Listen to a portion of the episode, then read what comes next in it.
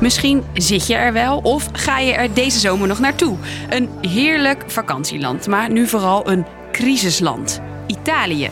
Je leest en hoort er continu dingen over. Daar is de regering in crisis. De premier van Italië stopt. En juist vandaag dreigt in Italië een nieuwe periode van instabiliteit te beginnen. Maar wat is daar nou precies aan de hand? En waarom kan een crisis in Italië ook invloed hebben op jouw leven? Mieke Hilde en ik leg het je uit. Lang verhaal kort. Een podcast van NOS op 3 en 3FM. Ah, Italië. Natuurlijk het land van de overheerlijke pizza's, pasta's en ijsjes. En het land van de politieke chaos. Partiamo, partiamo, partiamo da qui. Devo sospendere la seduta. Se continuate così. Maar de afgelopen anderhalf jaar ging het goed met Italië. Premier Mario Draghi had daar een belangrijk aandeel in. Dat zag mijn collega Helene Daans. Ciao Hilde, come stai? Zij is correspondent in Italië. Het was heel bijzonder voor Italië, de eenheid die we de afgelopen tijd eigenlijk hebben gezien. In de politiek in elk geval. Want waar de Italiaanse politiek normaal sterk verdeeld is, Avete richiesto. Zeiden bijna alle partijen na corona: we gaan Italië samen uit de crisis helpen. Deze regering die is begonnen begin 2021 en toen zaten we nog volop eh, in de coronacrisis. En het belangrijkste doel van die regering was dan ook: haal ons land hieruit. En door de miljarden euro's die Draghi wist los te peuteren bij de Europese Unie, leek hij het voor elkaar te krijgen om Italië weer uit het slop te trekken en te moderniseren. Dat gaat van eh, ja, dus het gelijkstellen van Noord en Zuid, eh, vrouwen voortrekken, crèches bouwen zodat vrouwen kunnen gaan werken, maar ook eh, jongeren meer kansen geven, universiteiten versterken. Dat is echt een totaal allesomvattend pakket dat hier ook echt is binnengehaald als een soort bijbel. En de sfeer in het land was ook nog eens top, merkte Helene. Het is een beetje stom, maar Italië had toen het Eurovisie Songfestival gewonnen. Italië heeft vorig jaar het Europees kampioenschap voetbal gewonnen. Over het algemeen was er een soort joie de vivre, een soort trotsheid ook op het feit dat mensen Italiaans waren. Maar nu is de stemming toch weer omgeslagen. Die bijzondere politieke eenheid verdween de afgelopen tijd. Er ontstond gedoe over nieuwe maatregelen om Italianen door de inflatiegekte heen te helpen.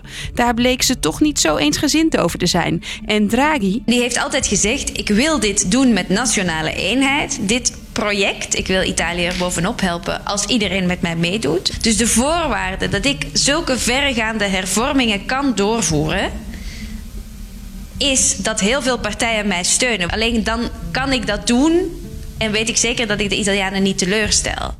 Voor Draghi dus reden om zijn koffers te pakken.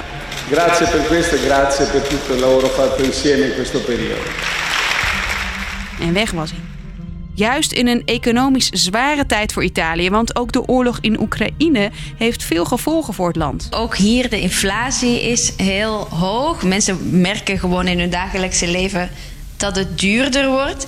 En Italië in, is in dat opzicht een heel kwetsbaar land. Want Italië heeft altijd heel veel geld geleend.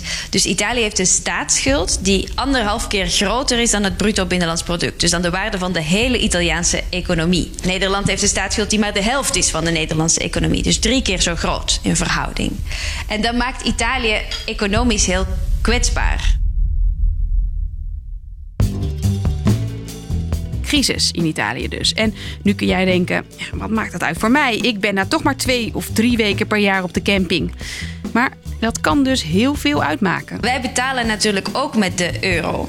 Dat is iets wat ons allemaal verbindt. En hoe stabieler de politiek is in de Europese Unie, hoe stabieler de munt de euro is. Want Italië is meer dan pizza, pasta en ijsjes. Het land staat in de top 10 van de grootste economieën van de wereld. Dus wat er hier gebeurt, maakt echt heel veel uit voor de stabiliteit van onze munt die wij samen delen. En daarmee dus ook voor Nederlanders. Waar Draghi alles op alles zette om de Italiaanse economie te redden, is het nog maar de vraag of zijn opvolger dat ook doet. Er zijn zorgen dat als de Italiaanse economie het slecht doet, bijvoorbeeld omdat de partijen die hier hierna verkozen worden minder goede economische maatregelen nemen, dat dat nog meer impact heeft op de waarde van de euro. Een opvolger van Draghi komt waarschijnlijk begin oktober na vervroegde verkiezingen. Volgens de peilingen maakt op dit moment de partij Fratelli d'Italia de grootste kans. Dat is een radicaal rechtse partij. En de enige partij die de afgelopen tijd eigenlijk niet heeft meegedaan aan die regering van Mario Draghi. En zij hebben zich dus ook sterk verzet tegen een aantal hervormingen die Draghi wilde doorvoeren. En als zij die hervormingen niet willen doorvoeren en dus dat geld niet krijgen, dan is dat slecht voor de Italiaanse economie. En daar zijn zorgen over. Dus, lang verhaal kort. Italië zit niet alleen in een economische, maar ook in een politieke crisis. Premier Draghi besloot te vertrekken omdat hij vond dat hij niet genoeg werd gesteund. Maar juist onder Draghi leek het heel goed te gaan met het land. De vraag is nu wie zijn opvolger wordt en of diegene Italië uit de crisis kan halen. Dat was hem weer. Elke werkdag rond 5 uur middags zijn we er weer. Bedankt voor het luisteren. Adopo. Ciao, arrivederci. 3FM podcast. Er zijn genoeg alarmbellen afgegaan de afgelopen jaren.